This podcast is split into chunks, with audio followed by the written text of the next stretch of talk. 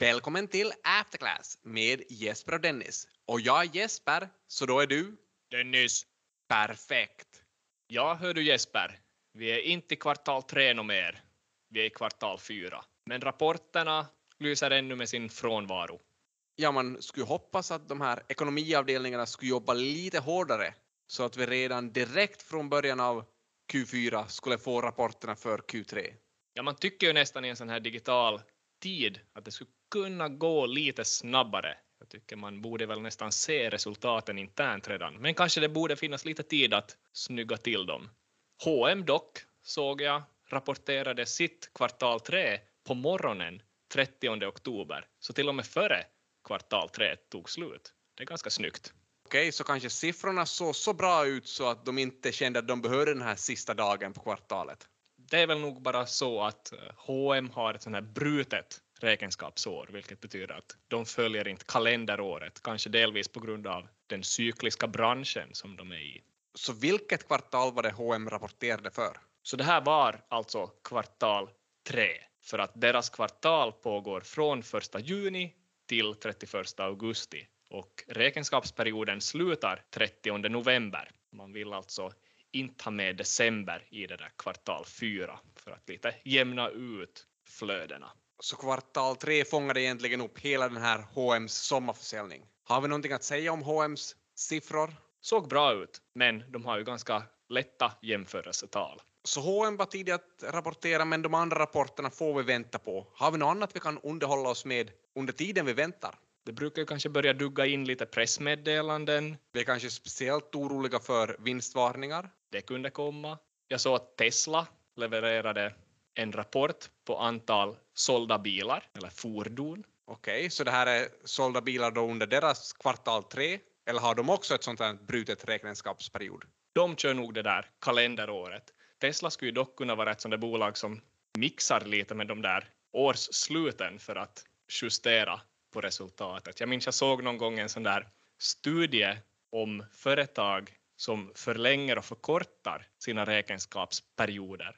På så vis då skapar månader som många analytiker och sådana här standardrapporter inte beaktar. Och just under sådana månader så rensar de bordet och, och dumpar resultatet i bottnen oftast. Men det där är en, en sidoparentes. Men tillbaka till Tesla då, har vi någonting att säga om Teslas produktionssiffror? Ja, de hade alltså sålt bilar mycket mer än jämförelseperioden, plus 73 procent på årsnivå och 20 procent plus på kvartalsnivå. Så alltså tillväxt. Och Tesla känns ju inte som ett bolag som var så hårt drabbat av coronapandemin under fjolåret, så man tänker att de här jämförelsesiffrorna ändå ska vara ganska tuffa att slå. Jo, de är nog ganska bra de här siffrorna egentligen. Också med tanke på det att traditionella biltillverkare har negativ tillväxt under den här perioden och skyller ganska långt eh, den här negativa tillväxten på materialbrist, att det är lite kretskort som är svårt att få tag på och så vidare. Man kan ju här fundera, vem behöver mer kretskort? Är det Tesla eller de här traditionella? Så jag skulle säga de här traditionella, att de behöver mindre kretskort? Så skulle man kunna tänka, men, men, men. Komponentbristen är någonting som man har pratat om ganska mycket. Och man tror ju faktiskt att det kan finnas bolag som lider av den här komponentbristen.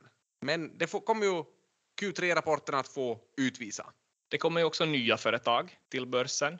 Vi pratade om här i våras att Adam på Nasdaq trodde att det här skulle bli alla tiders börslistningsår. Vill du i det här skedet försöka dig på hans efternamn, Adam? Äh, nej, vi är nog vänner på first name basis som man brukar säga. Okej, vad har vi för nykomlingar? Så vi var ju tidiga med att säga att vi tror att ett bolag som Lloyde ska komma till börsen. Ja, just det. Det är alltså det här tidigare Virja, före det Vasaläns Telefon, men idag ganska annorlunda bolag. Men de, de hade väl en sån grej att de behövde hitta på ett nytt namn för att, som, som var lite mer aktieägarvänligt, visst var det så? Och Lloyde är alltså det här namnet nu då? Jo, de valde då Lloyde. Ingen aning riktigt vad det här Lloyde betyder. Alltså är det finska? Jag har inte riktigt... Det ser ju nog ut som att det är ett finskt namn. Eller no, något slags ord på finska. Jag måste kolla här på Google Translate. Loihde betyder stava, alltså hur stavar jag Loihde? Stava. Eller är det mer som det skida, att man stavar sig fram? Är det att man stakar sig fram? Det beror Ja. på om man håller på och skriver någonting samtidigt kanske. Jo, men hur som helst. Lloyd det blev det nya namnet och Och det är aktieägarvänligt. det är aktieägarvänligt, åtminstone enligt dem själva. Grejen här med Lloyd är väl att de håller på med en hel del olika saker. Så de har allt från lite dataanalys, de har också en här digitalisering med personen eller personalen i centrum, inte för att jag vet riktigt vad det betyder. Sen har de ganska mycket fysisk säkerhet, så det finns en hel del olika saker i det här bolaget.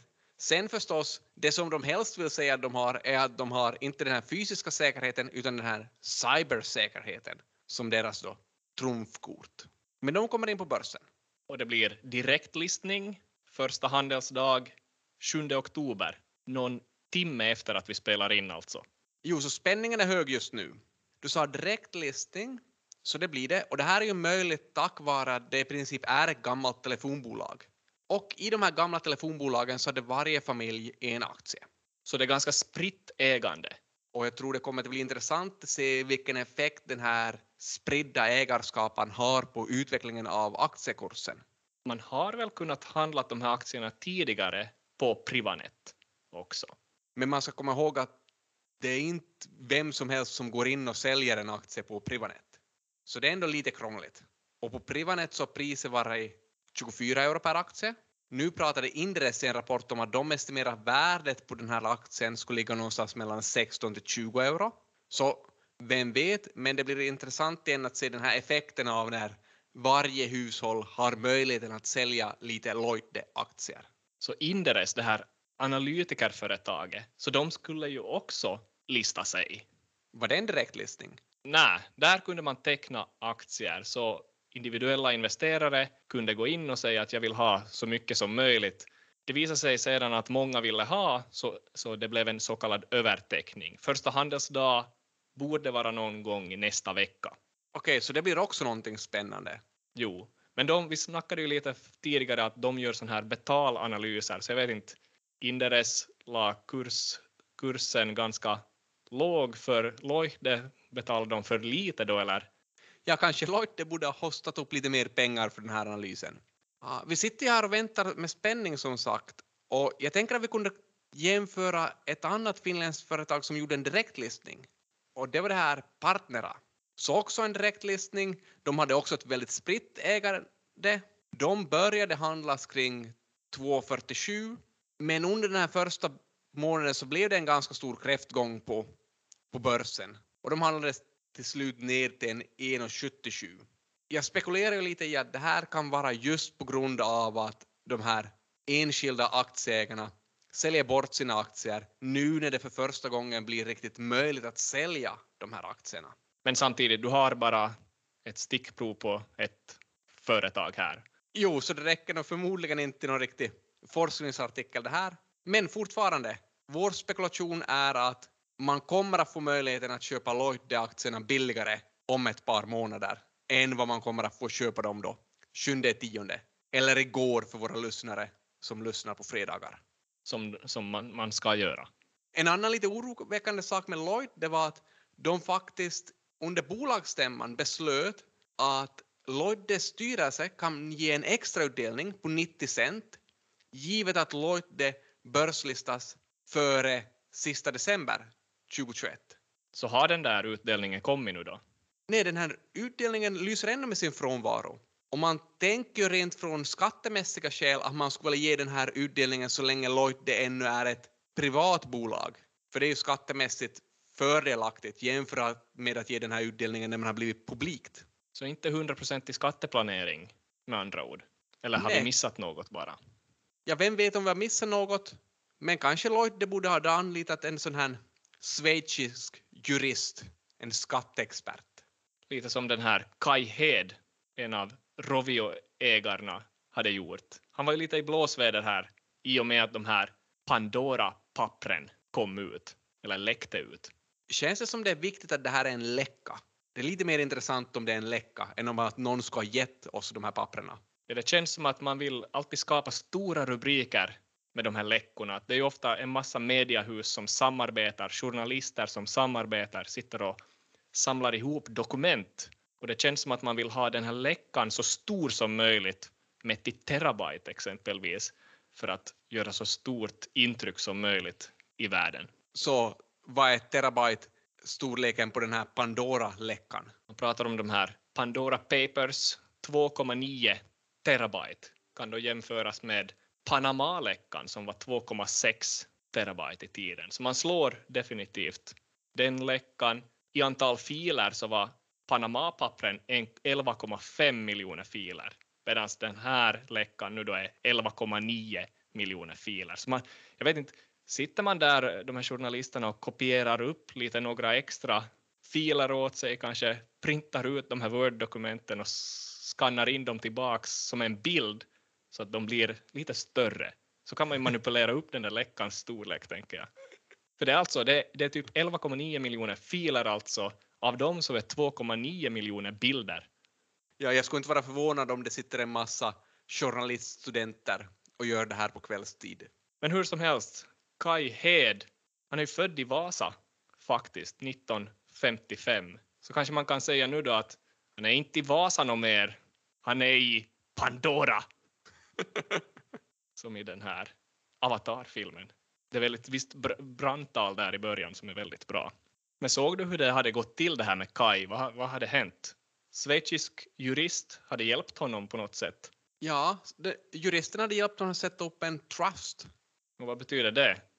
Det verkar som det har någonting att, med tillit att göra, men som jag förstår det här så är det på så sätt att genom att sätta upp den här trusten så blir han personligen inte ansvarig eller personligen inte ägare av de här pengarna, men han har rätten att använda de här pengarna. Så han fick alltså delvis jättemycket pengar från det här Angry Birds och Rovio-innehavet och det är de pengarna nu som har förvaltats på något sätt och således har han kommit med i den här läckan också. Ja, jag tror till och med det före den här Rovio-tiden så sålde han ett annat mjukvarubolag och därifrån finns det pengar också. Så den schweiziska juristen har sagt någonting att jag, jag gör en trust åt dig och trust me, det kommer att fungera. Ja, det är väl ungefär så det har gått till. Allt är svårt sånt här med när personer undviker, undviker skatter, att man ska komma ihåg att inte det är förstås bra att man undviker skatter, men de här personerna har ofta gjort väldigt mycket för Finland också. Mycket mer än många andra, kan vi väl säga. Så de är ju lite, ofta är det ju sådana vinnare av kapitalmarknadsspelet. På tal om vinnare kanske vi kan gå över till någonting lättare och då talar jag om Nobelpriset. Inte lättare att vinna, men kanske lättare att förutspå vem som kommer att vinna det. Ja, till viss del. Nobelveckan består ju av de här tunga priserna i kemi och medicin, fysik och så vidare. Sen på måndagen därpå kommer ju det här Sveriges riksbanks pris i ekonomisk vetenskap till Alfred Nobels minne. Det är alltid, alltid intressant att se vem kunde det vara i år. Var det i fjol hade du nästan rätt gissning på vem det blev? Ja, vi hade väl rätt gissning att det skulle bli Milgram, men vi kastade ett ganska vitt nät. Jag minns att Piketty, den här franska ekonomen om, som handlar om jämställdhet, han var på tal. Tror du på honom i år också? Ja, ska vi försöka vara en lite mer sniper i år och påstå att det blir ett pris som går till någon typ av jämlikhetsforskning. Så hindra förmögenhetsklyftor eller klyftor mellan till exempel män och kvinnor eller någonting. Någon sån här jämlikhetsforskning. Så Piketty är ett förslag. Han är ju lite ung. Ja, man ska gärna vara lite till åldern kommen. Ja, det, det, jag tycker det, det passar på de här bilderna. Lite gammal och lite råddig kanske om man skulle ta summan av alla journalister som var med i den här dataläckan och arbetade också för, för jämlikhet på sätt och vis. De skulle vara en väldigt gammal grupp. Ja, det skulle kunna vara ett alternativ. Ett annat alternativ, jag vet inte om hon är så gammal, men Claudia Goldin, som vi också nämnde i fjol. Så hon, hon skulle kunna vara potentiell i år igen. Ojämlikhetsdrottningen, eller vad brukar man säga? Ja, så kanske det blir ett delat Nobelpris. Thomas Piketty, eller Thomas och Claudia. Jag tycker det låter som en bra förutspåelse och också ganska jämlik med man och kvinna den här gången. även fast vi skulle ha kuvertet med vinnaren här framför oss, eller i en så kallad Pandoras ask, skulle vi väl inte öppna det heller, utan vi skulle vänta till nästa vecka och se vem vinnaren blev. Så vi gör väl det. Ja, Vi fortsätter alltså nästa vecka med nya insikter och avslöjanden i After Class.